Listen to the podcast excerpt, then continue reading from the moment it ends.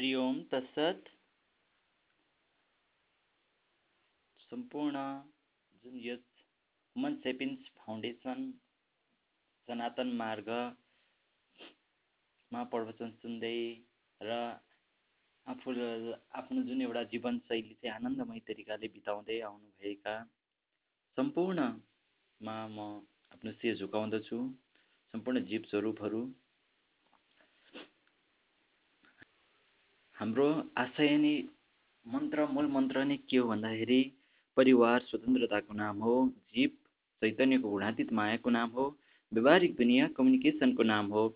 अध्यात्म सम्पूर्ण जीवमा आफू र आफू सम्पूर्ण जीवमा व्याप्त देखिने शाश्वत सत्यको नाम हो। यो संसार लीला स्थल हो जहाँ पूर्ण ब्रह्म चैतन्य कृष्णको लीला चलिरहन्छ त्यसरी उत्सवको नाम हो। जीवन शाश्वत मुक्त आत्माको दिव्य नित्य हो र मेरो तपाईँको सबैको शाश्वत स्वरूप ब्रह्म हो र म विष्णु स्वरूप गोविन्द सदाशिव शक्ति स्वरूप कृष्णमय राम अर्थात् आनन्द स्वरूप साधन हुँ। होइन? सचिदानन्द र सदास यस संसार आश्चर्यपूर्ण छ। जति बुझ्न खोजे पनि विज्ञानबाट नाप्न खोजे पनि तर यस संसारको रङ्गमञ्चमा सधैँ रहन असम्भव छ। यो थोरै समयको लीलामा सबैभन्दा प्यार भनेकै प्रेम हो माया हो लभ हो। होइन? आज चाहिँ प्रश्न आएको छ कि शास्त्रलाई कसरी बुझ्ने र कसरी पढ्ने भन्ने बारेमा? मैले शास्त्र सम्बन्धी धेरैचोटि मैले प्रवचन पनि गरिसकेको छु शास्त्र बारेमा भनिसकेको छु। अब आज शास्त्र विज्ञान शास्त्रभित्रको विज्ञान र शास्त्र विज्ञान भनेर त्यही शास्त्रको समष्टिगत रूपमा भन्नेछु किनभने शास्त्र धेरै छन् होइन? किनभने तपाईँले शास्त्र भनेर हिन्दू दर्शन मात्र बुझ्नुभएको होला। हिन्दू बौद्ध मुस्लिम ताओ होइन? क्रिस्चियन क्रिस्चियनिटी यहुदी विभिन्न दर्शनहरू छन्। सबै शास्त्र हुन्। तर ती सम्पूर्ण होइन तपाईँले विशेष त हिन्दू दर्शनमाथि प्रश्न गर्नुभएको होला। त्यही भएर म सम्पूर्ण ती दर्शनहरू भन्दा पनि आज हिन्दू दर्शनमै केन्द्रित भएर हिन्दू दर्शनको विज्ञान भन्ने छु किनभने तपाईँ हिन्दू सम्प्रदायमा हुर्किनु भएको छ त्यही दर्शन त्यहाँ देखे त्यहाँ देखाइएको दर्शन तपाईँ बुझ्न चाहनुहुन्छ। त्यही भएर म बुद्ध दर्शन बुद्धले प्रतिपादित गर्नुभएको बुद्ध दर्शन मुसोको यहुदी मुसोको यहुदी जुथ्रस होइन? न ताओ डिचिङ कुनै अरू दर्शनको बारेमा कुरा गर्दिनँ। विशेष त म अब वैदिक सनातन हिन्दू दर्शनको बारेमा गर्नेछु।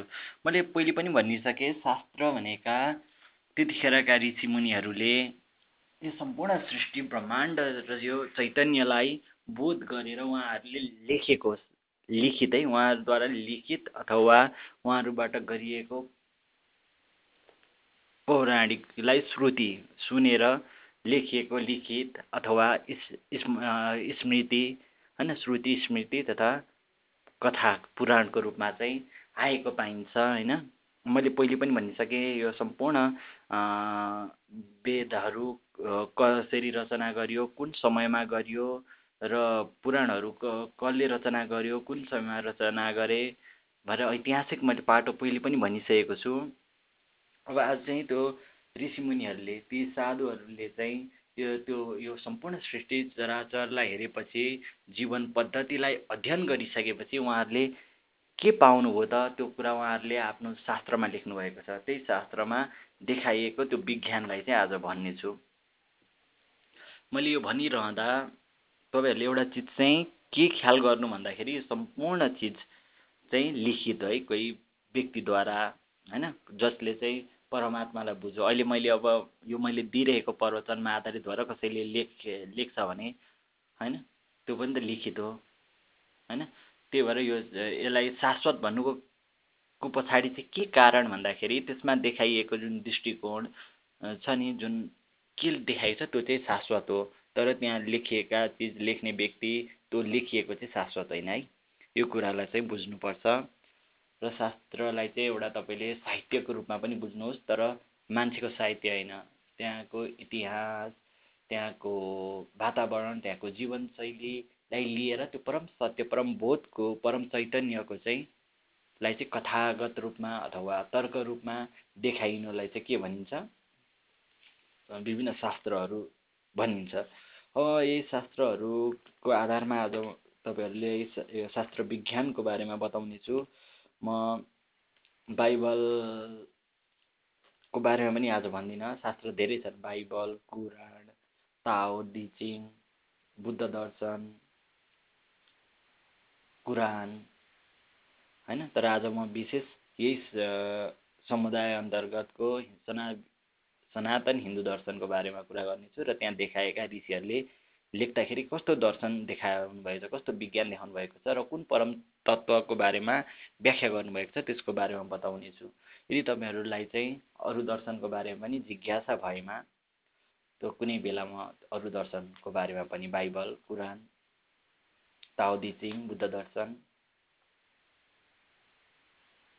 होइन अरू विभिन्न दर्शनहरू छन् विभिन्न देशका त्यसको बारेमा पनि पछि कुरा गरौँला तर सबैले देखाउने त्यो शाश्वतको बारेमा चाहिँ हिन्दू दर्शन र शास्त्रले के विज्ञानलाई देखाउनु भएको छ त्यसको बारेमा आज म बताउने छु है।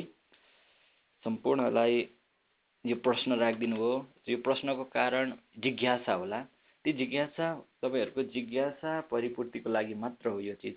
किनभने शास्त्र सबै चिज जानेर पनि तपाईँ सक्नुहुन्न किनभने कसैको विचार आइरहन्छ।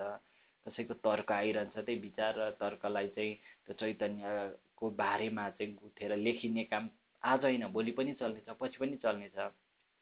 त्यो धारा धारा प्रवाह चलिरहन्छ। त्यही भएर सम्पूर्ण शास्त्रलाई चाहिँ समष्टिगत गरेर त्यसको विज्ञानलाई मात्र आज भन्ने छु। र त्यसमा चाहिँ के को बारेमा देखाउन खोजिएको छ? होइन त्यसमा इतिहास मैले अस्ति नै पनि भने त्यसकोमा इतिहास स्वर्ग विसर्ग स्थान पोषण उक्ति मनोत्तरका कथा सानो कथा निरोध मुक्ति आश्रय जस्ता कुराहरू साथसाथै इतिहासलाई पनि देखाउन खोजिएको हुन्छ। र यो सबै लेखिएका हुन्। फेरि एकचोटि दोहोऱ्याउँछु यो सब लेखिएका हुन्। किनभने तपाईँमा धेरै आस्था भएर कारणले त्यसमा आसक्ति नजाओस् त्यसको विज्ञानलाई बुझ्नुहोस् भनेर यो भनिरहेछु। म कसैको प्रेम वा भक्तिलाई ठेस पुर्याउनको लागि भनेको होइन। मात्र तपाईँ चाहिँ त्यसमा बढी आसक्ति भएर शास्त्रमा मात्र गएर त्यो परम विज्ञान परम चैतन्यलाई चाहिँ बिर्सिनुहुन्छ भनेर मैले यो भनिरहेछु र अब वेदकै बारेमा शास्त्रकै बारेमा भन्नुभन्दा अगाडि एकचोटि शास्त्रले के भन्छ भन्दाखेरि शास्त्रमा पनि दर्शनमा एउटा के भन्छ हिन्दू दर्शनले हिन्दू दर्शनको कुरा गर्छु सुरुमा। हिन्दू दर्शनमा हिन्दू दर्शनबाट भित्रै म आज कुरा गरेर जानेछु होइन? हिन्दू दर्शनभित्रको कथा र हिन्दू दर्शनले के भन्छ त्यही भित्र बेस भएर। होइन र त्यसमा कुन किसिमको जीवन पद्धति कुन किसिमका तर्कहरूलाई अथवा कुन किसिमको विज्ञानलाई देखाइएको छ त्यसको बारेमा भनिदिन्छु र हामीले यदि तपाईँले चाहिँ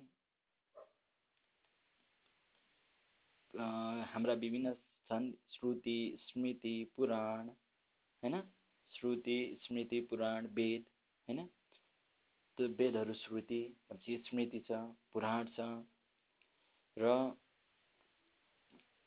यसलाई पनि के अरे पुराणको रूपमा लिइन्छ है। यो इतिहास र पुराणलाई चाहिँ पाँचौँ वेदको रूपमा मानिन्छ। र यी सम्पूर्ण वेद पनि लिखित हुन्। मैले त्यसको इतिहास पनि पहिले पनि तपाईँलाई कसले लेखेको हो भनेर भनिदिइसकेको छु।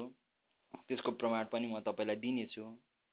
तर यो मैले प्रमाण दिनको लागि तपाईँलाई यो मेरो अहङ्कार व्यक्त गर्नको लागि होइन कि तपाईँमा चाहिँ शास्त्रमा मात्र आसक्ति नहोस्। शास्त्रभन्दा पनि आफ्नो चैतन्यलाई बुझेर तपाईँ यो लीला सागरमा लीला गर्न सक्नुहोस्। यहाँको वास्तविक सत्यलाई हेरेर तपाईँ आनन्दित हुन सक्नुहोस् भनेर भन्ने भन्न खोजेको हुँ। होइन?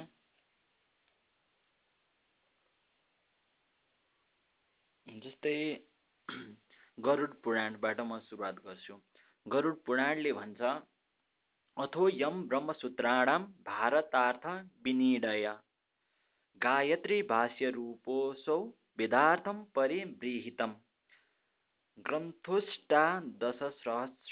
श्रीमद्भागवता विधा। गरुड पुराण भन्छ श्रीमद् भागवत ब्रह्मसूत्रको प्रामाणिक भाष्य हो। ब्रह्मसूत्रले के भन्छ भन्दाखेरि एकचोटि तपाईँलाई ब्रह्मसूत्र भनेको सम्पूर्ण यो वेदको निचोडलाई ब्रह्मसूत्र भनिन्छ।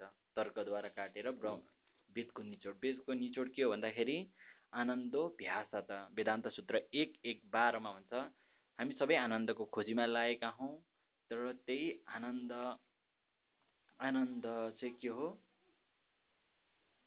आनन्दको खोजीमा छौँ भनेर हाम्रो के भन्छ वेदान्त सूत्रको सार छ। र यही वेदान्त सूत्रको सारको व्याख्या चाहिँ गरुड पुराण भन्छ। ब्रह्मसूत्रको प्रामाणिक भाष्य चाहिँ श्रीमद् भागवत हो। र तथा महाभारतको थप व्याख्या हो भन्छ। भनेपछि महाभारत सुरुमा आएर त्यस पछाडि श्रीमद् भागवत आएको देखिन्छ गरुड पुराण अनुसार र यो गायत्री मन्त्रको विस्तार पनि हो। र सम्पूर्ण वैदिक ज्ञानको सार हो। वैदिक ज्ञान भनेको ओमको पूर्ण सार नै श्रीमद् भागवत हो भन् भन्छ। होइन? त्यहाँपछि श्रीमद् भागवत के भन्छ भन्दाखेरि श्रीमद् भागवतै भन्छ श्रीमद् भागवतको एक चार उन्नाइस। पहिलो स्कन्द चारौँ अध्यायको उन्नाइसौँ श्लोक। पढ्नुहोस् सुन्नुहोस्। चातुर्होत्रम कर्म शुद्रम प्रजानां विच्छम वैदिकम वेयधाध्यम सन्त्यये वेदमेकम चतुर्विधम भनेको श्रीमद् भागवत पहिलो स्कन्दको चारौँ अध्यायको उन्नाइसौँ मन्त्र भन्छ कि वेदमा वर्णित यज्ञबाट मानिसको वृत्ति चाहिँ शुद्ध होस् मान्छेको आचरण शुद्ध होस् यस संसारमा चाहिँ आनन्दसँग लीला गर्न सकोस् आफ्नो परम चैतन्यलाई चिन्न सकोस् भनेर चाहिँ एउटै वेदलाई चाहिँ चार भाग गरियो र जसबाट मानिसहरूमा बिस्तार प्रचार होस् भनेर चार भाग गरिएको हो भनेर चाहिँ कसले भन्छ भन्दाखेरि कसले भन्छ भन्दाखेरि श्रीमद् भागवतले भन्छ। श्रीमद् भागवतको गएर हेर्नु प्रमाणको लागि एक चार उन्नाइस। होइन? र एक चार उन्नाइस भन्छ अनि अवता भन्छ गरुड पुराण भन्छ कि सम्पूर्ण वेदको सार अथवा ब्रह्मसूत्रको व्याख्या। श्रीमद् भागवत हो। श्रीमद् भागवतले चाहिँ के भन्छ भन्दाखेरि सम्पूर्ण वेदलाई चाहिँ चतुर्भागमा लगाएको हो जसमा चाहिँ ऋग्वेद। अब फेरि के भन्छ भन्दाखेरि पहिलो स्कन्दको चारौँ अध्यायको बिसौँ श्लोकमा श्रीमद् भागवतमा आउँछ ऋग यजु सामर्थ व्याख्याम वेदास्तत् बार उद्धता इतिहास पुराणम च पञ्चमो वेद उच्यते। ऋग्वेद सामवेद सामवेद यजुर्वेद अथर्वेद पछि इतिहास र पुराण महाभारत र पुराणहरू चाहिँ पञ्चम वेद हुन् पाँचौँ वेद हो भन्छ। अब जसमा फेरि एक चार एक्काइसमा भन्छ। मैले पहिले पनि भनेको छु सम्पूर्ण शास्त्रहरू लिखित है कोही हाम्रा ऋषि साधुद्वारा चाहिँ त्यो परम चैतन्यको बोध गरेपछि कथालाई हालेर इतिहासलाई मिलाएर जीवनशैलीलाई व्याख्या गरेर यो भौगोलिक ब्रह्माण्डको व्याख्यासहित जोडेर लेखिएको इतिहास र कथालाई जोडेर कथा हुन् साहित्य हुन् है। त्यो चिजलाई चाहिँ हामीले जान्नुपर्छ। हामी आस्थाको नाममा त्यसलाई चाहिँ ए आस्था भनेर पुरै आश्रित भएर भेदभावलाई जन्माउन खोज्नु हुँदैन। यो परम सत्यलाई मैले भन्नुपर्छ। त्यहाँपछि फेरि श्रीमद् भागवतको पहिलो स्कन्दको चारौँ अध्यायको एक्काइसौँ श्लोकले भन्छ तद् गर्भे तदरम पैलम सामगो जैमिनी कवि वैशम्पायन एवने निष्ठोदो यजु खामुत। यहाँ चाहिँ कुन कुन ऋषिले कुन कुन वेदहरू चाहिँ निकाल्नुभयो भनेर त्यो ऋषिहरूको नामै दिएको छ। तपाईँ त्यो प्रमाणको लागि हेर्न सक्नुहुन्छ। अर्थ बाङ्गी रसा मासित सुमन दुर्दारुणो मुनि इतिहास पुराणानां पितामे रोमहर्षणम। विभिन्न इतिहास पुराण चाहिँ रोमहर्षणद्वारा लिखित हो भन्ने कुरा रोमहर्षणका पिताद्वारा लेखिएका छन् रोमहर्षणद्वारा लिखित छन् भन्ने कुरा त्यहाँ देखाउनु देखिएको छ। त्यसबाट के बुझिन्छ भन्दाखेरि सम्पूर्ण वेदलाई चाहिँ विभिन्न भागमा विभाग्य गरेर विभिन्न व्याख्या त्यही गरु पुराण अनुसार त्यो सम्पूर्ण ब्रह्मसूत्र अथातो ब्रह्म जिज्ञासाबाट सुरु भएको वेदान्त सूत्र र आनन्दोभ्यासहरू त्यही आनन्द नै हामी सबैको प्राप्ति हो भन्ने उसको त्यही एउटा सूत्रको सारलाई चाहिँ कथाको माध्यमद्वारा शास्त्रको माध्यमद्वारा चाहिँ लेखिएको हो भने भनेर चाहिँ हाम्रो गरुड पुराण भन्छ र गरुड पुराणले यता के भन्छ भन्दाखेरि गरुड पुराणले भनेअनुसार भागवतम चाहिँ व्याख्या भन्छ अनि भागवतम चाहिँ भन्छ त्यही एउटा वेद चाहिँ चारवटा भागमा विभागीय गर्यो र ज जसले विभाग गर्यो उनीहरूकै नामद्वारा त्यसको चाहिँ के भयो फैलावट भयो र पाँचौँ वेद चाहिँ इतिहास र पुराण हो भन्छ। अब यो त अब कसले शास्त्रहरू कतिखेर लेखिए कसले लेखे र के को व्याख्या छ? अब त्यसमा के को व्याख्या छ भन्ने कुरामा अघि नै भनिसक्यो। आनन्दो भ्यास त होइन? त्यही आनन्दको व्याख्या छ। परम आनन्द जे हो त्यसको व्याख्या छ है। अनि त्यही परम व्याख्या छ जसमा चाहिँ आनन्द भ्यास त होइन वेदान्त सूत्र एक एक बार अनुसार हामी त्यही आनन्दको खोजीमा लागिरहेका छौँ। र यो किन शास्त्रहरू छन्? शास्त्रको पछाडि भन्दाखेरि श्रीमद् भागवतले नि अघि भन्यो। त्यो एउटै वेदलाई चार पाँच चाहिँ किन गर्यो भन्दा हाम्रो प्रीति हाम्रो जुन आचरण चाहिँ शुद्ध होस् हाम्रो कामहरू शुद्ध हुन्। हामीले चाहिँ यस संसारमा यस पृथ्वीमा विशुद्ध आनन्दसहित रहन सकौँ एकासँग सहयोग गरेर सेवा गरेर त्यही कारणले चाहिँ यसलाई विभाग्य गरिएको भनेर भन्छ। त्योभन्दा धेरै तपाईँ आ एकदम आशा राखेर स्वर्ग नर्क प्राप्ति है यहाँबाट मुक्त भएर अर्को ठाउँमा जाने त्यो तपाईँलाई देखाएको आश मात्र हो। यो क्लियर हुनुहोस्। तपाईँको यो आस्थालाई चोट तपाईँको आस्थामा यदि चोट पर्छ भने म त्यसको लागि माफी माग्छु तर सत्य यही हो। भक्तारमिग तपसम सर्वलोकम महेश्वरम सुहृदम सर्वभूतानां ज्ञात्व शान्ति रच्यति। पाँच उन्तिस। श्रीमद् भगवद् गीता भगवद् गीताले पनि भन्छ कि भोक्तारमिग तपसम सर्वलोकम महेश्वरम सम्पूर्ण यो चराचर हामीले जुन परिवर्तनशील ब्रह्माण्ड देखिरहेछौँ विस्तारित ब्रह्माण्ड देखिरहेछौँ सम्पूर्णको भोक्ता र यज्ञको तपस्या सबै सर्वलोक महेश्वरम त्यही महाईश्वर त्यही परम चैतन्य हो। जो चाहिँ हाम्रो सुहृदम सर्वभूतानम सबैको हृदयमा बसेर सबैको हृदयमा रहेर सबैलाई आनन्द प्रदान गरिरहेको छ त्यही आनन्दलाई जसले जान्छ शान्ति प्राप्त गर्दछ भन्छ। भनेपछि सम्पूर्ण वेद पुराण शास्त्रहरूले चाहिँ त्यही आनन्दको व्याख्या गरेको छ। र तपाईँले अब तपाईँलाई त्यही आनन्दलाई व्याख्या गर्ने रूपमा भन्छ। मामी बाङ्सु जीवलोके जीवभूत सनातन मनसृष्टानि इन्द्राणी प्रतिष्ठानी कर्सति। त्यही परम आनन्द सच्चिदानन्द जे भन्नुहोस् तपाईँ नाम ब्रह्म भगवान् जे नाम दिनुहोस् त्यही परम चैतन्यले नै यो सम्पूर्ण शाश्वत छ तपाईँ म सम्पूर्ण यसमा देखिने प्रकृति परिवर्तन सम्पूर्ण उही हो। यसकै व्याख्या चाहिँ विभिन्न वेदहरूमा पनि पाउँछ। तपाईँले वेदको पुरुष सुक्त होइन? पुरुष सहस्राक्ष शस्त्रोपात सभूमिको ततिस दशाङ्गुलममा त्योमा पनि व्याख्या तपाईँले सुन्नुभएको होला हेर्नुभएको होला पढ्नुभएको होला त्यही चिज छ है। अनि त्यहाँ पछाडि त्यो परम चैतन्य चाहिँ कस्तो छ भनेर पनि व्याख्या गरेको पाइन्छ शास्त्रमा। नजाय तिम्रियते वा चिन्नाय बुद्वा भविता वा नभूय अजो नित्यम शाश्वतम पुराणो नहन्यते हन्यमाने शरीरे। आत्मा नज आत्मा भने होइन आत्मा भन्नुहोस् अथवा त्यसको नामै नदिनुहोस्। गौतम बुद्ध भगवान् गौतम बुद्धले त त्यसको नामै दिनु भएन। किनभने मान्छे आत्मा भनेर फेरि शास्त्रको पछि मात्र दौडिन्छ। त्यो परम चैतन्यलाई बुझेर झन् कर्म गर्न सक्दैन आफूमा सम्यकता ल्याउन सक्दैन भनेर उहाँले आत्माको पनि व्याख्या गर्नु भएन र त्यो ब्रह्मको नाम पनि लिनु भएन। तर त्यो जन्मिँदैन पनि कहिले मर्दैन पनि न जन्मेको थियो न जन्मिन्छ न जन्मिनेछ। यो नित्य छ शाश्वत छ र सनातन छ। तपाईँ नि त्यही हो त्यसकै व्याख्या नै सम्पूर्ण शास्त्र हुन्। शास्त्रको विज्ञान त्यही हो र त्यस सँगसँगै शास्त्रमा इतिहासको बारेमा छ तपाईँको लाइफस्टाइल कसरी जिउने यसमा कसरी लिलामा एकासमा सहयोग गरेर रहने त्यसको बारेमा पनि छ। है? र त्यो यो दिव्य ज्ञान अहिले मैले जुन शास्त्रले जुन दिव्य ज्ञान भनिरहेछन् होइन? यो विभिन्न राज ऋषिहरूबाट आउँदै आउँदै आएको भन्ने कुरा चाहिँ भगवद्गीताको चार दुईमा पनि छ।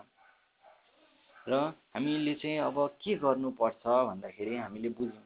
त्यसमा चाहिँ सम्पूर्ण शास्त्रमा चाहिँ त्यही परम तत्त्वको बारेमा छ। जुन परम तत्त्व तपाईँले माने जस्तो शरीरधारी छैन है त्यो चाहिँ बुझ्नुहोस्।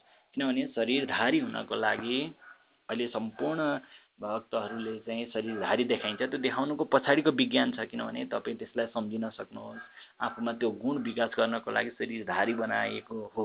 त्यो चित्रको विकास त्यसरी गरिएको तर त्यो पूर्ण छ होइन पू पूर्ण ओम पूर्णमद पूर्णमिदम पूर्णत पूर्णात पूर्णमुद्यच्यते पूर्णस्य पूर्णमादाय पूर्णमेवावशिष्यते। ओम पूर्णमद पूर्णमिदम पूर्णात पूर्णमुद्यचे पूर्णस्य पूर्णमादाय पूर्णमेवावशिष्य त्यो पूर्ण छ यस उपनिषद्को प्रार्थनाले भन्छ त्यो पूर्ण छ त्यो पूर्णबाट पूर्ण निक्लिँदा पनि सम्पूर्ण पूर्ण छ यो जगतबाट सम्पूर्ण ब्रह्माण्ड नाश हुँदा पनि पूर्णै रहने। त्यही परम सत्य जो सम्पूर्ण विस्तार जसको अंशी तपाईँ पनि हो म पनि हो सम्पूर्ण जीव चराचर सम्पूर्ण आकाशीय पिण्डदेखि लिएर सम्पूर्ण देखिने जगत दृश्य अदृश्य सम्पूर्ण त्यही हो।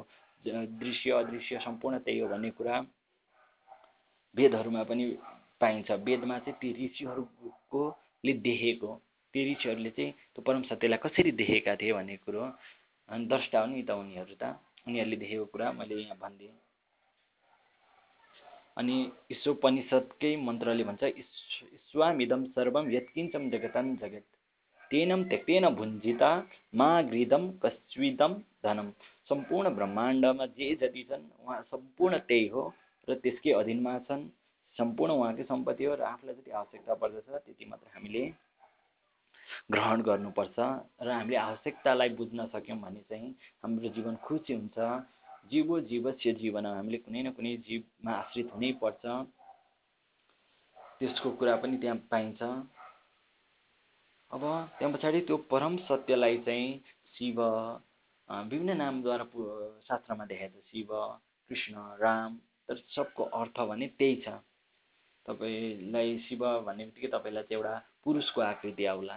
तर त्यो आकृति बनाउनुको पछाडि त्यो कथा बनाउनुको पछाडि विज्ञान छ। तपाईँको दायाँ मस्तिष्कलाई काम गराएर तपाईँलाई चाहिँ आनन्दको अनुभूति गराउनको लागि त्यो परम सत्यलाई चाहिँ कथाको रूपमा देखाउनको लागि उसको अनन्त गुणहरूलाई चाहिँ सम्पूर्ण गुणलाई चाहिँ एउटा प्रतीकात्मक रूपमा देखाउनको लागि त्यस्तो गरिएको हो। यो कुरा स्पष्ट हुनुपर्छ। कुनै शरीरधारी छैन त्यो। शरीरधारी छैन भन्नुको मतलब उसको आकृति छैन होइन। सम्पूर्ण आकृति नै ऊ हो। यहाँ सम्पूर्ण ब्रह्माण्ड देख्ने तपाईँ म किरा फट्याङ्ग्रा सम्पूर्ण आकृति नै उसको आकृति हो। र सम्पूर्ण ब्रह्माण्डमा अदृश्य पनि उयो दृश्य पनि उयो। भनेपछि यसमा कुन आकृति हो के होइन त्यसको छिनोफानो गर्नु मूर्खता हुन्छ। अब कृष्णको भनेको के भन्दाखेरि ईश्वरम परम कृष्ण सचिदानन्द विग्रह अनादि अनादिनादि गोविन्द सर्व कारण कारण ब्रह्म संहिता पाँच एक। जहाँ भन्छ ईश्वर भनेकै परम कृष्ण हो। परम कृष्ण सर्व आकर्षक हो। सच्चिदानन्द त्यो चाहिँ परम सत्य हो परम आनन्द हो। त्यही आनन्द नै अघि नै ब्रह्मसूत्रले पनि त्यो आनन्द अभ्यास त्यही आनन्दको नामै कृष्ण हो। कृष्ण भनेको कुनै पर्सनालिटी होइन क्या? त्यो हामीले जुन पर्सनालिटीलाई लिएर कथा भनिएको छ त्यो त इतिहास पुरुष हुन सक्छन्। तर त्यही इतिहास पुरुषको लक्षण चाहिँ परम आनन्ददायी भएको कारणले गर्दा त्यसलाई पात्र बनाएर लेखिएको कथा मात्र हो। यो कुरा पनि स्पष्ट हुनुहोस्। मैले यो भनिरहँदा आज चाहिँ फैलिरहेका विभिन्न धार्मिक सम् सम्प्रदायहरूमाथि सम्प्रदायले मेरो यस प्रवचनलाई विरोध गर्ला तर सत्य यही हो। किनभने उनीहरू पनि यदि आफूलाई सत्य मान्छन् चैतन्य मान्छन् चैतन्य परमानन्दको बोध गरेका छन् भने यो चिज अनिवार्य हो। अब उहाँहरूले तर्क गर्नुहोला कि ब्रह्म परमात्मा र भगवान् एउटै सत्यको नाम हो। र त्यही भगवान् भने त्यसलाई नै कथाको रूपमा जुन इतिहास पुरुषको रूपमा देखाइन्छ कथाको रूपमा देखाइन्छ त्यसलाई भगवान् भनिन्छ। शरीरधारी रूपमा देखाइएको। तर शरीर त यो संसारमा एक्जिस्ट हुँदै मात्र पृथ्वीमा मात्रै एक्जिस्ट हुन्छ। होइन? किनभने पृथ्वीमा मात्र तपाईँले अक्सिजनको मात्रा छ पृथ्वीमा मात्र तपाईँको त्यो ध्वनिको जुन कम्पन छ त्यसको लागि कान उपयुक्त छ। तपाईँको फोक्सोदेखि मुटुदेखि तपाईँको शरीरका सम्पूर्ण अङ्ग प्रत्यङ्गको जुन बनावट छ यस पृथ्वीको लागि छ जल भएको ठाउँमा मात्र छ किनभने नसाबाट रगत बग्नुपर्छ किडनीले छान्नुपर्छ जल हुनु पऱ्यो ग्राभिटीको भ्यालु नाइन पोइन्ट एट हुने ठाउँमा मात्र यस्तो शरीरधारी हुन्छ। त्यही भएर त्यतिखेरका ऋषि मुनिहरूले जुन कल्पना गर्नुभयो त्यो परम सत्यलाई चाहिँ एउटा व्यक्तिपरक देखाउनको लागि त्यो चाहिँ हामीलाई हाम्रो चाहिँ हामी त्यसप्रति झन् श्रद्धा जागोस् भनेर त्यसप्रति प्रेम जागोस् यदि हामीले त्यसलाई अदृश्य मान्यौँ प्रेम जाग्दैन त प्रेम जगाउनको लागि हो। तर त्यसको यो सम्पूर्ण ब्रह्माण्डमा देखिने चराचरले उसको स्वरूप हो। यही कुरा चाहिँ श्रीमद् भागवतमा पनि आउँछ। यही कुरा चाहिँ भगवद् गीतामा पनि विराट स्वरूपको दर्शनको रूपमा देखाइएको छ। र अब त्यही गोविन्द भनेको सम्पूर्ण यो ब्रह्माण्डलाई आनन्द दिने आनन्द बिन्द भनेको आनन्द गो भनेको इन्द्रिय पृथ्वी र गाई सम्पूर्णलाई आनन्द दिने सबै कारणको कारण नै त्यो परम सत्य हो भनेर भनिएको छ कृष्णको स्वरूप। कृष्ण भनेको कुनै स्वरूप होइन। हामीले जुन स्वरूप मान्छौँ त्यो भनेको चाहिँ हामीमा प्रेम जागोस् भक्ति जागोस् भनेर। र श्रीमद् भा श्रीमद् भागवतम एक दुई अठाइस र एक दुई उन्तिस भन्छ वासुदेव परा वेद वासुदेव परा मखा वासुदेव परा योगा वासुदेव परा क्रिया वासुदेव परम ज्ञानम वासुदेवम परम तप वासुदेव परो धर्म वासुदेव परागति। यहाँ वासुदेवको अर्थ हुन्छ कि त्यही परम सत्यको नाम हो। त्यही सम्पूर्ण विस्तार जुन देखिन्छ सम्पूर्ण दृश्य अदृश्य सम्पूर्ण चैतन्य सम्पूर्ण एक अक्षर त्यो ओम ब्रह्म परमात्मा भगवान् जे भने पनि त्यही सम्पूर्ण सृष्टि म तपाईँ सम्पूर्ण सागर आनन्द सागरलाई नै वासुदेव भनिन्छ। उनी ऊ नै वेदबाट जान्ने चिज हो। ऊ नै योगाबाट योगाभन्दा परको हो क्रियाभन्दा र परम ज्ञानै त्यही हो परम तपै त्यही त्यहीलाई जान्नु हो र परम धर्म त्यसको अनुरूप यहाँ लीला गर्नु हो र परम गति नै त्यसको अनुभूति रहनु हो। यहाँ कुनै स्वर्ग नर्क अरू चिजको व्याख्या छैन है। यो चिज चाहिँ श्रीमद् भागवत त्यतिखेरका ऋषिहरूले चाहिँ बोध गरेको चिज हो। यो चाहिँ कसले भनेको भन्ने लाग्ला यो चाहिँ त्यतिखेरका ऋषिहरूले चाहिँ त्यो चिज बोध गरेर श्रीमद् भागवतमा लेख्नुभएको छ एक दुई अठाइस र एक दुई उन्तिसमा। अब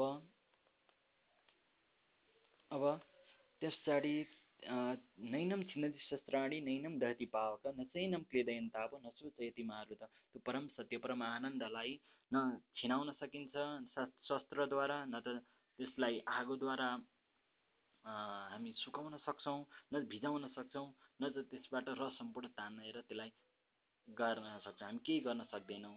त्यो परम सत्य हो परम शाश्वत हो। आज पनि छ भोलि पनि गर्छ। सधैँ रहने त्यो दिव्यता नै तपाईँको स्वरूप हो। यो सम्पूर्ण जगत को विस्तार हो। जुन चाहिँ श्रीमद् भगवद् गीताको दुई तेइस दोस्रो अध्यायको तेइसमा यो चिज छ। अब तपाईँले मैले यति भन्दा तपाईँले बुझिसक्नुभयो होला कि हामीहरू सम्पूर्ण शास्त्रहरूले चाहिँ त्यही परम सत्यको बारेमा कुरा गर्छ। जुन चिज चाहिँ गोपाल पूर्वता उपनिषद आज मैले सम्पूर्ण शास्त्रलाई चाहिँ आधार मानेर त्यसको विज्ञानलाई चाहिँ बताइरहेको कारणले गर्दा सम्पूर्ण शास्त्रबाट तानेर निचोड निकाल्दैछु। होइन यो किन भन्दाखेरि तपाईँलाई चाहिँ शास्त्रमा धेरै आसक्ति नहोस् शास्त्र बुझेर शास्त्रले देखाउन खोजेको निर्देशन र डिरेक्सनपट्टि चाहिँ तपाईँ जा जानुहोस् आफूलाई बुझ्नुहोस् लिला गर्नुहोस् खुसी हुनुहोस् र तपाईँ न स्वर्ग न नर्कमा आसक्ति हुनुहोस्। त्यही भएर गौतम बुद्धले कहिल्यै पनि न स्वर्गको अनुभूति देखाउनु भयो न त नर्कको डर न त मोक्षताको लोभ। मुख्यत भनेको आफूलाई जान्नु हो यो परम सत्यलाई जान्नु हो। जान्नु मात्र होइन त्यही अनुरूप तपाईँले काम गर्नुभयो भने तपाईँमा आनन्द बर्सिहाल्छ आनन्द माइट भनिन्छ नि त्यो तपाईँमा आइहाल्छ। अब गोपाल पूर्वता उपनिषदमा भन् त्यतिखेरका ऋषिहरूले चाहिँ हामीलाई जान त्यो परम सत्यको बारेमा देखाउनको लागि भन्छ नि किम नाम भजनम? होइन भजनम नाम रसनम के भज्ने हामीले? केमा चाहिँ हाम्रो फोकस भज्नु भनेको अर्थ यो होइन कि उसको नाम मात्र लिइरहनु। भजनको अर्थ हुन्छ फोकस। हामी केमा फोकस गरेर जीवन जिउने भन्दाखेरि चाहिँ भजनम नाम रचना हामी आनन्दमा फोकस गरेर चाहिँ जीवन जिउनुपर्छ। होइन हामी जेमा फोकस गर्छौँ त्यही चिज बढ्छ त्यही चिज प्राप्ति हुन्छ यो सत्य हो। होइन? हामीले दुःखमा फोकस गऱ्यौँ दुःख बढ्छ। सुखमा फोकस गऱ्यौँ सुख यदि हामीले चाहिँ त्यो आफ्नो आनन्दमा चाहिँ फोकस गऱ्यौँ भने चाहिँ जीवन आनन्ददायी हुन्छ। लीला सुन्दर हुन्छ। त्यही कारणले सम्पूर्ण शास्त्र बनेको शास्त्रको विज्ञानै आनन्दको अनुभूति गरेर जीवनयापन गर्नु हो। जहाँ सेवा आओस् होइन? जहाँ जहाँ स्वस्थ रहन सकियोस् अर्थ कमाउन सकियोस् धर्म अर्थ काम मोक्ष भन्छ नि होइन? धर्म प्राप्त होस् अर्थ प्राप्त होस् काम गर्न सकियोस् अनि मोक्ष भनेको परम आनन्दको अनुभूति गरेर जीवनयापन गर्न सकियोस्। स्वास्थ्य health wealth relationship authority and power education spirituality र इन्टरटेनमेन्ट यो चिज प्राप्त होस् र यसकै बेसमा चाहिँ मानवता र सेवा जन्मियोस् र प्रेम र आनन्द यो संसार भलिभूति होस् र तपाईँको लीला राम्रो होस् त्यसलाई नै ब्रह्म भन्छ। अब ब्रह्मको बारेमा व्याख्या छ। ब्रह्म परमात्मा र भगवान् भनेको त्यही हो त्यही रस हो त्यही आनन्द हो त्यही चिजहरू सम्पूर्ण चिज छ। अब अब सबैको अब ईशोपनिषद्को पन्ध्रमा हेर्ने हो भने हिरण्य हिरण्यमयेन पात्रेण सत्यास्यापिहितं मुखम तत् नवम पुखन न प्रावेणुम सत्यम धर्माय दिष्टये। सबैका पालनकर्ता जुन हामी भगवान् भन्छौँ सम्पूर्ण देख्ने सम्पूर्ण अनुहार चाहिँ उहाँकै ज्योतिले छरिएको छ। उहाँको ज्योति भनेको त्यो विस्तार सबै चिज छ। जब उहाँले त्यो चिज हटाउनुहुन्न तबसम्म हामी उहाँको रूपलाई देख्न सक्दैनौँ। जुन चाहिँ छन्दोदय उपनिषद्को पाँच दुई तेइस ऐतरे उपनिषद्को एक एक ईशो उपनिषद्को पन्ध्रमा यही चिज छ। होइन? अब मैले आज चाहिँ सम्पूर्ण शास्त्र शास्त्रमा चारवटा वेद वेदको परम भनेको निचोड भनेको वेदान्त सूत्र आनन्द भ्यास त भनिहाले आनन्दकै व्याख्या हो। त्यही आनन्द नै विस्तार हो। यहाँ कुनै त्यो हामीले पुज्ने जस्तो शरीरधारी छैन त्यो पनि बुझ्नुहोस्। त्यो चाहिँ हामीले हाम्रो राइट ब्रेनको त्यतिखेरका ऋषिहरूलाई थाहा थियो कि हामीले मन्त्र च्यान्टिङसहित ध्यान गरेर चाहिँ राइट ब्रेनलाई चाहिँ प्रयोग गर्यो भने आनन्दको अनुभूति गर्न सकिन्छ र आनन्द नै ब्रह्म हो। त्यसले अब त्यो बाटोको रूपमा प्रयोग गरिएको हो त्यो गुणको हामीमा विकास गर्नको लागि त्यो प्रतीकात्मक रूपमा प्रयोग गरिएको हो चित्रहरू। तर त्यो अनन्तलाई त हामी देखाउन सक्दैनौँ व्यक्त गर्न सक्दैनौँ होइन? अनि अनि मैले भनिहालेँ सम्पूर्ण शास्त्रहरूमा चाहिँ वेद पुराण इतिहासमा चाहिँ सम्पूर्ण यही सत्यको कथा सँगसँगै प्राकृतिक गुणहरू यहाँको प्रकृतिको गुण यो ब्रह्माण्डको विस्तार एस्ट्रोलोजी एस्ट्रोनोमी कस्मोलोजी त्यसको व्याख्याहरू पनि छ त्यो विज्ञान पनि छ। तर यो सम्पूर्ण जानकारी दिनु भनेको चाहिँ हामीलाई चाहिँ सम्पूर्ण ब्रह्माण्डको बोध गराएर हामीभित्रको परम सत्यलाई चाहिँ देखाउनु हो। अब सर्वस्य चाहम हृदय सनिविष्टम सबैको हृदयमा म निवास गर्छु भनेर त्यो भगवान्ले भन्नुभयो भनेर भनिन्छ नि। त्यो भगवान्ले भनेको त्यो ऋषिहरूले चाहिँ लेखिदिएको क्या सबैको हृदयमा छ। हामी त्यो बुझ्न सक्यौँ त्यो पछि आसक्ति हुन सकौँ त्यसलाई परम मान्न सकौँ भनेर। अब जसले चाहिँ त्यो परम ब्रह्मलाई जान्दछ त्यसलाई चाहिँ ब्रह्म ज्ञानातिथिम ब्राह्मण। जसले त्यो ब्रह्म त्यो परम सत्य यो सम्पूर्ण विस्तारहरूलाई चाहिँ हेर्न सक्यो यो सम्पूर्ण विस्तार नै म छु भन्ने बुझ्यो र यो सम्पूर्ण विस्तारको स्वरूप त्यो चैतन्य ब्रह्म परमात्मा हो। यो बुझेपछि त्यसलाई नै ब्राह्मण भनिन्छ भनेर भनिएको छ है गीताले। ब्रह्म ज्ञानादिति ब्राह्मण जसले ब्रह्म परम सत्य जान्दछ त्यो नै ब्राह्मण हो। होइन?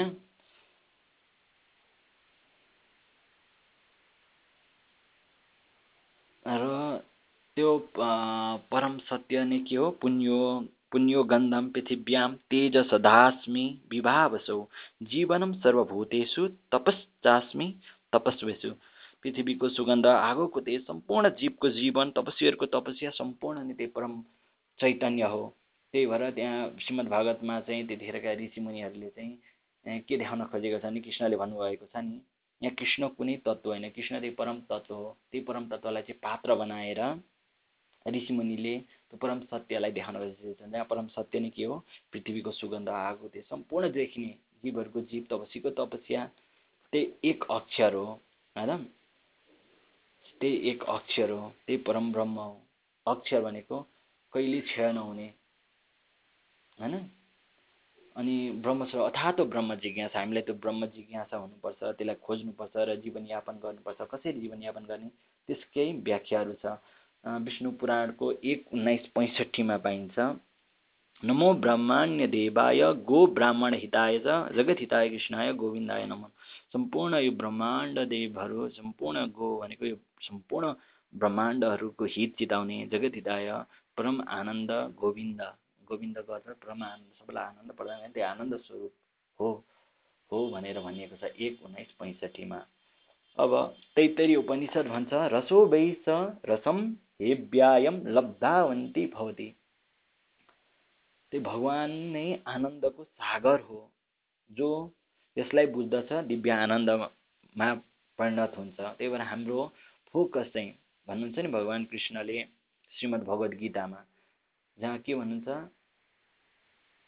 त्यहाँ उहाँहरूले अन्तिम निष्कर्ष के दिनुहुन्छ भन्दाखेरि मा उहाँले अन्तिम निष् सर्वधर्मम परित्यज्य मामेकम शरणम ब्रज अहम तम सर्वपापेभ्यो मोक्षस्यामी मासु छ अठारको छैसठौँ मन्त्र होइन? जहाँ भन्नुहुन्छ यदि हामीले चाहिँ यदि तिमीहरू चाहिँ त्यो परम सत्यलाई चाहिँ बोध गरेर त्यसको शरणमा गयौ भने तिमीहरू जे गर तिमीहरू आनन्दित हुन्छ। त्यो परम सत्य भनेर कृष्णको शरणमा जाने भनेर ए त्यो धनुधारी त्यतिखेर कृष्णको शरणमा जाने होइन। त्यो त त्यतिखेरको महाभारतमा चाहिँ ऋषिहरूले पात्र बनाएर लेखिएको कथा हो। त्यो कृष्ण भनेको को कहाँ छ? तपाईँभित्रको आनन्द हो। अघि नै मैले यत्रो भन्नुको पछाडि नै त्यही हो। सम्पूर्ण वेद उपनिषद पुराणले नै त्यो ब्रह्मलाई चाहिँ आनन्दको रूपमा देखाएको छ। जो चाहिँ सम्पूर्ण विस्तार यो विस्तार सम्पूर्णको सारको रूपमा देखाइएको छ। त्यसलाई बुझेर चाहिँ तपाईँ आफ्नो जीवनयापन गर्नुभयो भने चाहिँ तपाईँलाई कुनै पनि पाप र पुण्यले छुन सक्दैन। किनभने यति बुझिसकेपछि तपाईँलाई न पापको मतलब छ न पुण्यको होइन? जस्तै अब श्रीमद् भागवतम अब यो कुरा होइन यसले ढाँटो जस्तो लाग्छ भने श्रीमद् भागवतम जहाँ त्यतिखेरका ऋषिहरूले दृष्टिकोण के ब्रह्मलाई कसै कुन दृष्टिकोणले हेरेका थिए? त्यही कुरा व्याख्या गरेको मैले कुनै व्याख्या गरेको होइन। यो कुनै शाश्वत सत्य होइन को बारेमा भनेको होइन। त्यतिखेरका ऋषिहरूले चाहिँ त्यो शाश्वत सत्यलाई चाहिँ कसरी देखेका थिए? उहाँहरूले देखेको कुरा जस्ताको त्यस्तै तपाईँलाई देखाइदिएको हो।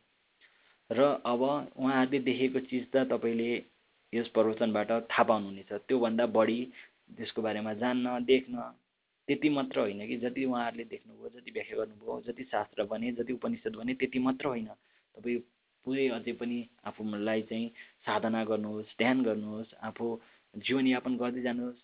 तपाईँ झन् बुझ्दै जानुहुनेछ होइन तत्त्व जज्ञानम महिद हृदय ब्रह्मेति परमा परमात्मेति भगवान् इति सभ्यते परम सत्यका ज्ञाताहरूले।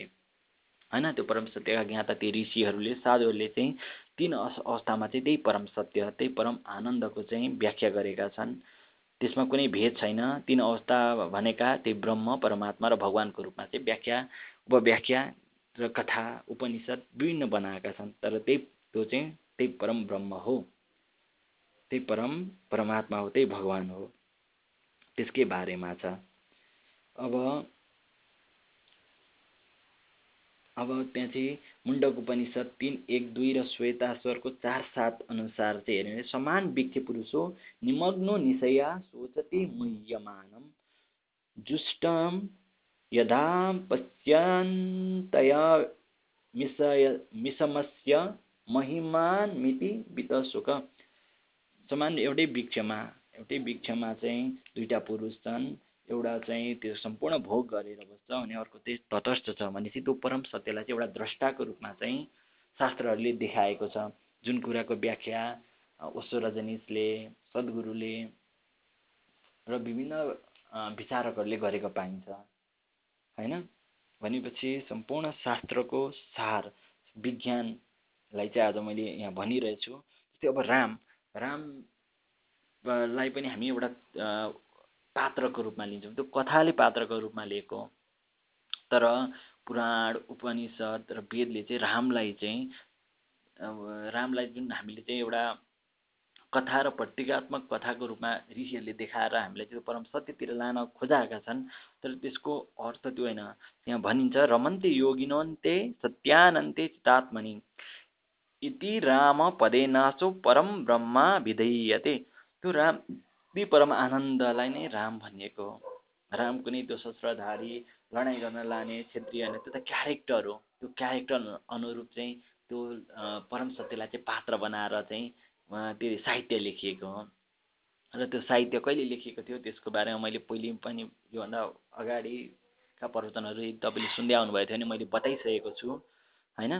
भनेपछि जसको योगी जो चाहिँ यो परम सत्यलाई बुझेर त्यसमा जोडिएको छ त्यो अनुसार काम गर्छ उसलाई कुनै न त मोक्षको लोभ छ न त धर्मको न त पुण्य न त पापको। र ऊ सत्यानन्द परम सत्य छ सम्पूर्ण चिज विनाश हुँदा पनि सत्य रहने त्यो अचिन्त्य स्वरूप चैतन्य स्वरूप र जसले त्यो चितात्मा जसको मन चाहिँ त्यसमा हुन्छ त्यही पदलाई चाहिँ जो ब्रह्म छ जो जो चाहिँ आकाश जस्तो अनन्त छ त्यहीलाई चाहिँ ब्रह्म भनिन्छ त्यही नै राम हो भनेर चाहिँ पद्म पुराणले भनेको छ। होइन? भने सम्पूर्ण पुराणहरूले पनि त्यही भनेको छ। महाभारतमा पनि यो कुरा आएको छ। होइन? भनेपछि त हामीले पुज्ने राम कृष्ण शिव स्वरूप सम्पूर्ण त्यही परम तत्व सत्यलाई नै सत्यको व्याख्या हो त्यो परमानन्दको व्याख्या हो त्यसलाई नै भनिएको तर पात्रको रूपमा विभिन्न कथाहरू चाहिँ हाम्रा गुण अनुरूप बनाएको छ। हाम्रो सतोगुणलाई चाहिँ आधार मानेर सात्विक साहित्य रचना गरिएका हुन सक्छन्। हाम्रो रजोगुणलाई आधार मानेर चाहिँ राजस किसिमका उपनिषद र कथाहरू बनाएको हुनसक्छ हाम्रो तामसिक गुणलाई आधार मानेर चाहिँ परम सत्य देखाउने स्वरूपमा विभिन्न कथाहरू रचेका हुन सक्छन्। त्यतिखेरका ऋषि ऋषि साधु विद्वान ब्राह्मणद्वारा त्यो ब्रह्मलाई जान्ने व्यक्तित्वद्वारा।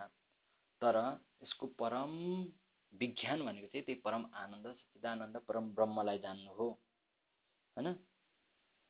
अब अब सहस्रशिखा पुरुख सहस्राक्ष सहस्रपाद सबु मिङ्गुम विश्वतो दित्वा त्यतिस दशाङ्गुलम। पुरुख एवेद सर्वम यदभूत च भाव्यम उतामृत स्वेसानो यदन्ते नातिरोहति। यो पुरुष सुक्त श्वेताश्वर उपनिषदमा पनि आउँछ तिन चौध तिनको चौध पन्ध्रमा।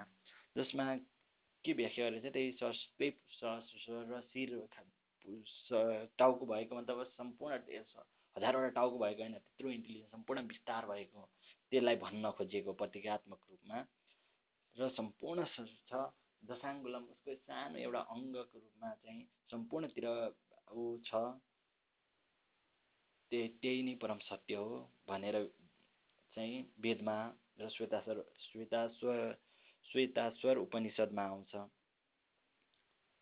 अब हामी पनि त्यही स्वरूप हौँ अहम ब्रह्मा होइन? हामी पनि बृहदारण्य उपनिषदको एक चार दस भन्छ। हामी पनि त्यही ब्रह्म हौ त्यही चैतन्य हो। किनभने सम्पूर्ण बिस्तारै उयो भएपछि हामी पनि त्यसकै अंश हौँ। जसरी सागरकै अंश त्यो सागरको कण हो भने त्यो कण पनि सागरै हो। त्यही कारण हम ब्रह्मास्मि भनिन्छ।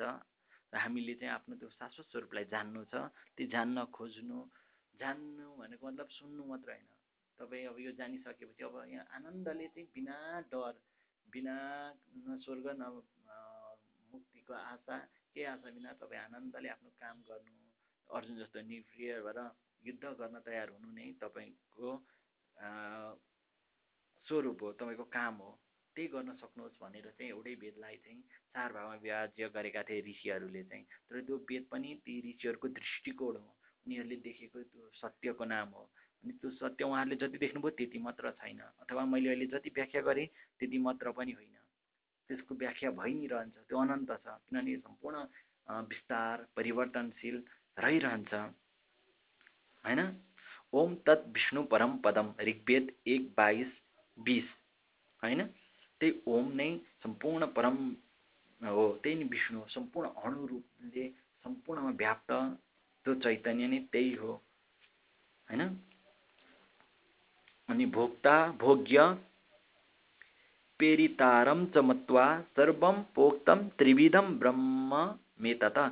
श्वेता स्वर उपनिषद त्यतिखेर श्वेतास्वर उपनिषद लेख्दाखेरि त्यतिखेरका ऋषिहरूले चाहिँ त्यो परम सगुलाई चाहिँ भोक्ताको रूपमा पनि भोग्यको रूपमा पनि र भोगिने वस्तुको रूपमा पनि त्यो एउटै चिज तिनवटा तिनटै एउटै हो भन्ने कुराको रूपमा चाहिँ देखाइएको छ भनेर श्वेतास्वर उपनिषदको एकको बाह्रमा छ।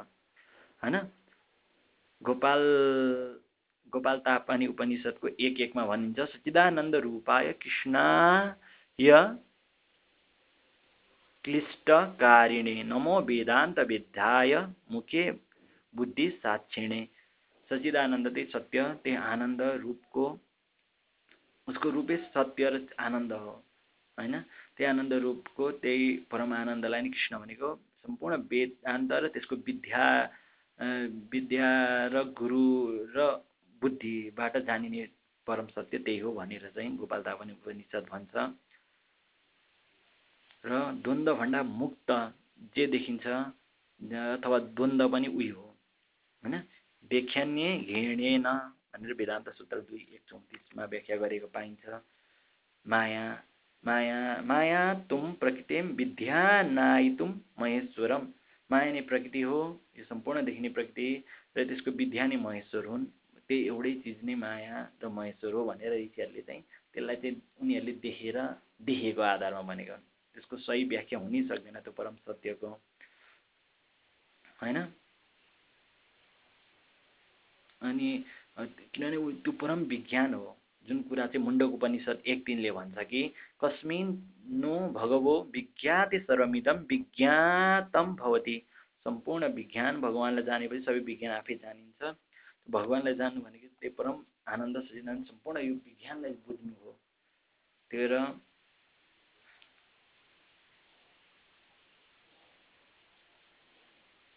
त्यही भएर यो परम सत्य सम्पूर्ण शास्त्रहरूले त्यही परम सत्यको बारेमा कुरा गर्ने हुन् तर हामी चाहिँ आसक्ति भन्छौँ। हामीले भजन गर्ने भन्छौँ र एउटा भजन भजनको अर्थ हुन्छ हामीले चाहिँ हाम्रो फोकस चाहिँ आनन्दमा हुनु हो।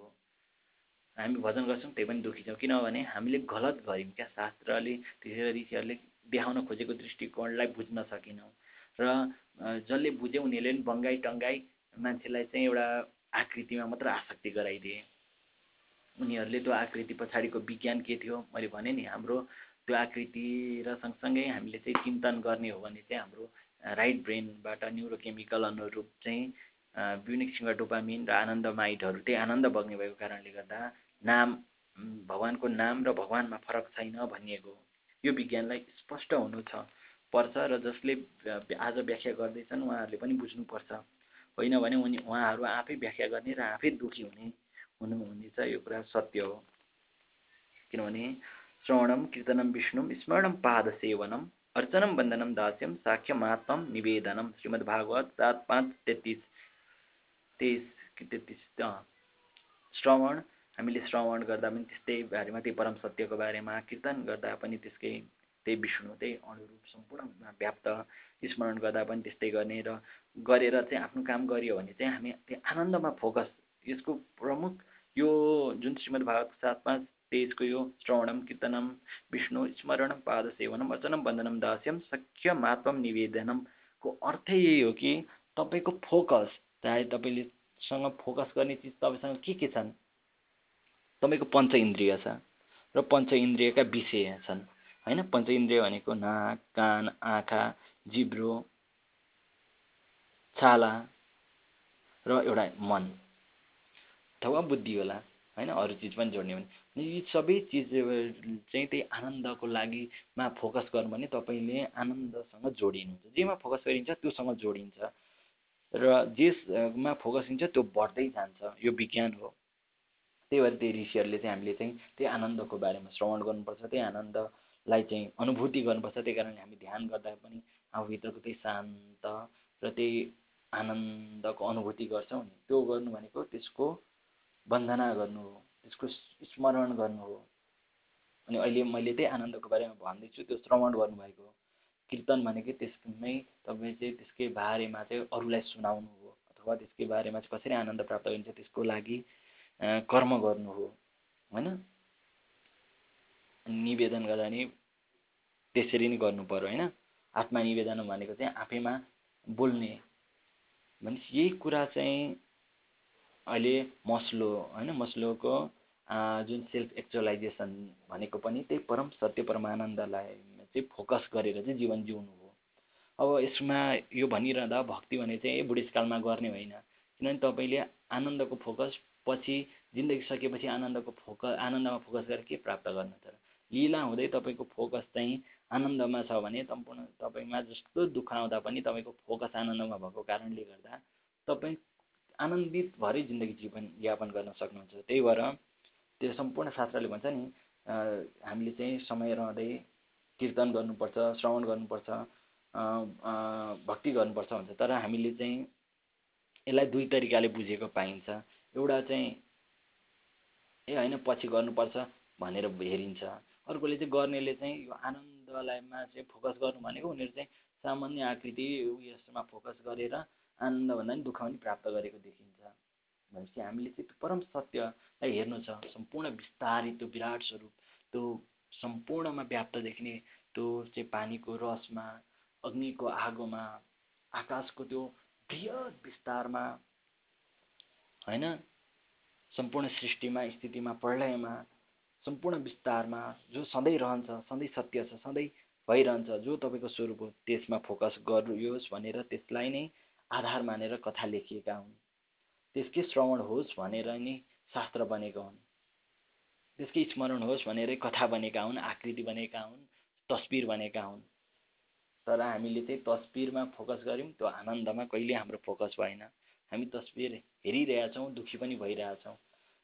किन भन्दाखेरि हामीलाई जुन ऋषिहरूले जुन परम सत्यमा फोकस गर्न जुन हामीलाई चिन्तन दिनुभएको थियो त्यो हामीले जान्न सकेनौँ। होइन? हामीले शास्त्रको आशय र विज्ञानलाई बुझ्न सकेनौँ त्यही कारणले। अब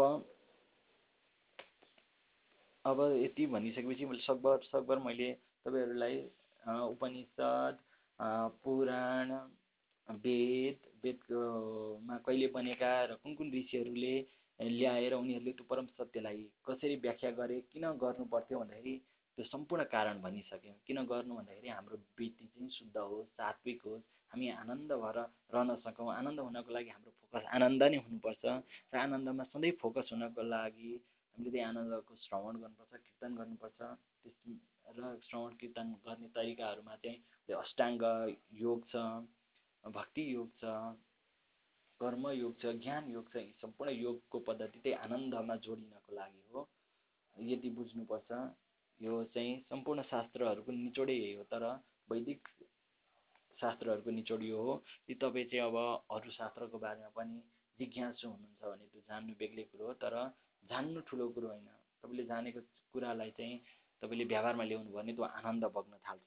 तपाईँ आनन्दमा फोकस हुन थाल्नुहुन्छ जीवन आनन्दले बित्छ। तपाईँ मुक्त हुनुहुन्छ। न स्वर्ग नर्क त्यो अर्को म जान्दिनँ त्यो कहाँ छ त्यो स्वर्ग नर्क त्यो किनभने ऋषिहरूले देखाएको स्वर्ग नर्क तपाईँको मनभित्रको साइकोलोजिकल र तपाईँको इन्टलेक्चुअलको दिव्य अनुभूति हो। अब यो भनिरहँदा अब कतिजनाले भन्नु होला कि यो महा मन्त्रहरू छन् मन्त्रको के हो आशय? मन्त्रको आशय तपाईँमा चलिरहने विचारलाई चाहिँ शून्यता गरेपछि तपाईँमा आनन्द बग्छ त्यही आनन्द नै आनन्द स्वरूपै के हो? भगवान् हो। त्यही भएर नामको भजन नै के हो? मुक्त हुनुको आशय हो भनिएको हो। यो कारण भनिएको हो। यो नामको कारण आशय हो भनेर यदि सुङ्गाले पनि त भगवान्को नाम जप्ला तर त्यो आनन्दी नहुन सक्छ। ऊ भोकले प्यासी पनि भएको हुनसक्छ तर यो आनन्द भनेको तपाईँ आनन्दमा फोकस भएर चाहिँ आफ्नो कर्म गर्नुहोस् यहाँ लीला गर्नुहोस् लीलालाई नरोक्नुहोस्। जहाँ यही कुरा भगवत गीतामा भगवान् कृष्ण हुन्छ भन्नुहुन्छ कि मेरो स्मरण गर मलाई मानेर कर्म गर लडाइँ लड भन्नुहुन्छ। मलाई नै भजेर बसिरह भन्नुहुन्न। यसको यो कुरा ऋषिमुनिहरूले भगवत गीतामा देखाउनुको तात्पर्य हो कि हामी पनि आफ्नो फोकस चाहिँ परम आनन्दमा आफ्नो आनन्दित स्वरूपमा गरेर चाहिँ कर्म गऱ्यो भने फोकस आनन्दमा भएको कारणले आनन्द रूपी जीवनयापन गर्न सकिन्छ। मानव जीवन नै आनन्द र सम्पूर्ण आनन्दित स्वरूप हो त्यो बुझ्नुपर्छ। र अब हरे कृष्णको बारेमा भन्छु अहिले हरे कृष्ण र नामहरू छन्। नामको महिमा ठुलो छ किनभने नामको महिमाको बारेमा वेद नारदीय पुराण भन्छ हरे नाम हरे नाम हरे नामैव केवलम कलौ नास्दैव नास्दैव नास्दैव गतिरन्यता। हाम्रो गति चाहिँ रोकिएको छ र हामीलाई पूर्ण गति दिएर गतिशील बनाउनुपर्छ। गति रोकियो भने के हुन्छ? दुर्गति हुन्छ। प्रगति भनेको के हो? गतिशील हुनु आफूलाई परिवर्तनलाई स्वीकार गर्नु हो। र हरि नाम भनेको त्यही सम्पूर्ण विस्तारित परमा आनन्दको नाम। होइन? नाम भनेको त्यसको गुणलाई चाहिँ भज्नु पऱ्यो होइन? भज्नु भनेको मतलब त्यसमा फोकस गर्नु पऱ्यो आनन्दित जीवनयापनमा फोकस हुनु आनन्दित सङ्कल्प त्यही कुरा बुद्धले भन्नुहुन्छ। आनन्दित सङ्कल्प आनन्दित सम्यक सङ्कल्प सम्यक बुद्धि सम्यक चेतना सम्यक कर्म सम्यक समाधि होइन? त्यसमा फोकस हुनु पऱ्यो र हरे नामको अर्थ त्यो हो। आनन्दमा फोकस हुनु पऱ्यो होइन? यही कुरा चाहिँ त्यही भएर हामीले हरे नाम लिनुपर्छ भनिन्छ। अब हरे कृष्ण हरे कृष्ण कृष्ण कृष्ण हरे हरे हरे राम हरे राम राम राम हरे हरे। यो मन्त्र किन आएको भन्दाखेरि हामी चाहिँ त्यो यो यो मन्त्र तिसका लागि होइन कि जसले चाहिँ भगवान्लाई चाहिँ एउटा पुरुष सामान्य शरीरधारी ठानेर उनीहरूको लीला उनीहरूको प्रेम जीवन हेर्नको लागि मात्र होइन। यो चाहिँ त्यो परम सत्य आनन्दलाई चाहिँ फोकस होस् भनेर लेखिएको हो। अनन्त संहितामा पनि यही मन्त्र छ। हरे कृष्ण हरे कृष्ण कृष्ण कृष्ण हरे हरे हरे राम हरे राम राम राम हरे हरे। षोड सैतानि नामानि द्वात्रिचदम बडकानि कलो युगे महामन्त्र सम्मतो जीव तारणे सबै जीवलाई चाहिँ तार्न तार्नुको अर्थ उनीहरू मरेपछि तार्ने होइन उनीहरू जीवित रहँदै आनन्दित जीवन जिवाउनको लागि चाहिँ हाम्रो फोकस चाहिँ यही परम हरे र कृष्णमा हुनुपर्छ र यो चिजलाई चाहिँ बिहान बेलुका हामीले चाहिँ जप गऱ्यौँ भने अथवा मन्त्र मेडिटेसन गऱ्यौँ भने पनि मन हाम्रो आनन्द माइन्ड अथवा लेफ्ट राइट ब्रेन चल लेफ्ट राइट ब्रेन दुइटै चल्छ र आनन्द बस्दिन्छ त्यही कारणले भनिएको यही कुरा चाहिँ कलि सन्त रणु उपनिषदमा पनि आउँछ हरे कृष्ण हरे कृष्ण कृष्ण कृष्ण हरे हरे हरे राम हरे राम राम राम हरे हरे इति षोडशकम नाम नाम कलि कल्मसनाशनम नातम परतरूपाय सर्ववेदेषु दृश्यते। सम्पूर्ण वेदको सार नै त्यो परम आनन्दमा फोकस भएर रहनु हो र जीवनयापन गर्नु हो। यसको मतलब यो पनि होइन कि तपाईँ हरे कृष्ण हरे कृष्ण मात्र भनेर बस्नु भनेको होइन। तपाईँको फोकस त्यसमा भएर तपाईँ काम सम्पूर्ण अर्जुन जस्तो लडाइँ लड्न सक्नुहुन्छ। अब अर्जुनले पनि भगवान् कृष्णले मलाई नै भज मलाई नमस्ते गर भन्नुभयो। यसको मतलब अब अर्जुन चाहिँ लडाइँ छोडेर भगवान्लाई नमस्ते गरेर जीवन तिमी बस्ने उहाँकै नाम कृष्ण कृष्ण भनेर बसेको त होइन नि त। उनले त लडाइँ लडेको। तर फोकस कसमा गरेर आफूभित्रको त्यो परम सत्य र परम आनन्द जसको नामै कृष्ण हो त्यसमा फोकस गरेर यो कुरा बुझ्नुपर्छ। अग्नि पुराणमा पनि त्यही भएर यही आएको छ हरे कृष्ण हरे कृष्ण कृष्ण कृष्ण हरे हरे रटन्ती हेलया बापी ते किर्तातम न सङ् सँगय यो मैले यो कुरा किन भनिरहेको छु भन्दाखेरि आज पनि यही मन्त्रलाई लिएर विभिन्न सम्प्रदायहरूले जस मन्त्र च्यान्टिङ मात्र गरेको पाइएको छ। त्यो परम सत्यलाई लुकाउन खोजिएको देखेको कारणले गर्दा मैले भनिदिएको मैले यो भनिरहँदा मैले उहाँहरूको भक्ति र उहाँको आनन्दित स्वभावको विरोध गरेको होइन। त्यो आनन्दित रहनु नै हाम्रो लक्ष्य हो। तर हामीले त्यो सत्यलाई सत्यकै रूपमा देखाएर आनन्दित हुनुपर्छ भन्ने भन्नको लागि यो भनेको हौँ। र यही हरे हरि नामको महत्त्वको बारेमा तपाईँ अझै हेर्न चाहनुहुन्छ भने सन्त कुमार संहितामा पनि छ हरे कृष्ण हरे हरे कृष्ण दुई रात भितौ कृष्ण द्वादक तथा हरे हरे राम तथा राम तथा तादक हरे पुनः हरे कृष्ण हरे कृष्ण कृष्ण कृष्ण हरे हरे हरे राम हरे राम राम राम हरे हरे। अब ब्रह्माण्ड पुराणमा पनि छ रोमहर्षले लेखेका हुन्। त्यो कुरा अघि नै आइसकेको छ। हरे कृष्ण हरे कृष्ण कृष्ण कृष्ण हरे हरे हरे राम हरे राम राम राम हरे हरे इति षोडशक नाम नाम त्रिकाल कल्मसनाशनम नातम परत रूपाय सर्ववेदेषु विद्यते। यो चिज आएको छ पद्म पुराणमा पनि छ। राधा तन्त्रमा पनि छ भनेपछि यो सम्पूर्णले चाहिँ के भन्न खोजेको त्यो चाहिँ बुझ्नुपर्छ है विज्ञान। मैले शास्त्रको विज्ञान भने अब मन्त्रको विज्ञान। मन्त्रको विज्ञान भनेको चाहिँ तपाईँमा चलिरहने विचारहरूबाट तपाईँ मुक्त भएपछि तपाईँको दुइटै ब्रेनले काम गर्न थालेपछि लेफ्ट ब्रेन राइट ब्रेन दुइटै ब्रेनले काम गर्न थालेपछि तपाईँमा आनन्द माइट तपाईँमा भएको आनन्द माइट भन्ने हुन्छ। इन्डो आनन्द आनन्दमोइट सिस्टम भन्ने हुन्छ तपाईँको विभिन्न सिस्टममध्ये। त्यसबाट चाहिँ आनन्द बर्सिन्छ त्यही आनन्दलाई चाहिँ भगवान् ब्रह्म चैतन्य भनेर चाहिँ वेद उपनिषदहरूले व्याख्या गरेको पाइन्छ वैदिक सनातनमा। त्यही कारणले चाहिँ मन्त्र मेडिटेसन गर्ने गरिन्छ। यसमा हरे कृष्णै भन्नुपर्छ भन्ने छैन तपाईँ जुन नामको जप गर्दा पनि हुन्छ। तर यो कुरा चाहिँ सबैमा एकारूपता आओस् त्यो परम सत्य सम्बन्धी भनेको कारणले गर्दा त्यतिखेरका ऋषिमुनिहरूले चाहिँ एउटै कुरालाई सबै ठाउँमा व्याख्या गरेको हो। यो कुरा भन्दै आजलाई यति नै। यदि तपाईँको अरू पनि जिज्ञासा केही छ अरू दर्शनको बारेमा पनि जान्ने आज मैले हिन्दू दर्शनको बारेमा मात्र भने बौद्ध इसाई इस्लाम ताओ अथवा विभिन्न दर्शनहरू छन् त्यसको बारेमा पछि भन्नेछु। आजलाई म बिदा चाहन्छु। र तपाईँले परम सत्य जान्नुभयो होला यस पछाडि। यदि तपाईँ अझै आनन्द विज्ञानको बारेमा बुझ्नको लागि यस पछाडिको अर्को अध्याय पनि अवश्य सुन्नुहोला अर्को प्रवचन सुन्नुहोला त्यसमा त्यहाँ चाहिँ म आनन्द विज्ञानको बारेमा भन्नेछु। शास्त्रले देखाएको त्यो आनन्द विज्ञान के हो यसको बारेमा व्याख्या गर्नेछु। र यति भन्दै अबलाई बिदा हुन्छु। र यो लीला सागरमा सुख दुःखको छाल परिरहन्छ तर लीला रोकिन्न। लीला झन् सुन्दर बन्दै जान्छ। हामी लीलामा झन् जोडिँदै जानेछौँ। हामी अझै शान्ति समृद्धि र विकास गर्दै पृथ्वीलाई स्वर्ग बनाउनेछौँ। ती सम्पूर्ण लीलाशील कर्मशील चैतन्य श्रमिक जो मानवताका लागि कर्मशील छन् यो मेरो प्राण मन र काय पनि उहाँहरूकै हो मेरो मुटुको धड्कन पनि। भोलिको सुन्दर प्रकृतिमा हाम्रा सन्तति पनि लीला किडा खेल्नेछन् र हामी नै हौँ जसले प्रेम बचाउनेछौँ जय जननी जन्मनि ओम तस्त जय प्रेमा। हरि ओम तत्सत।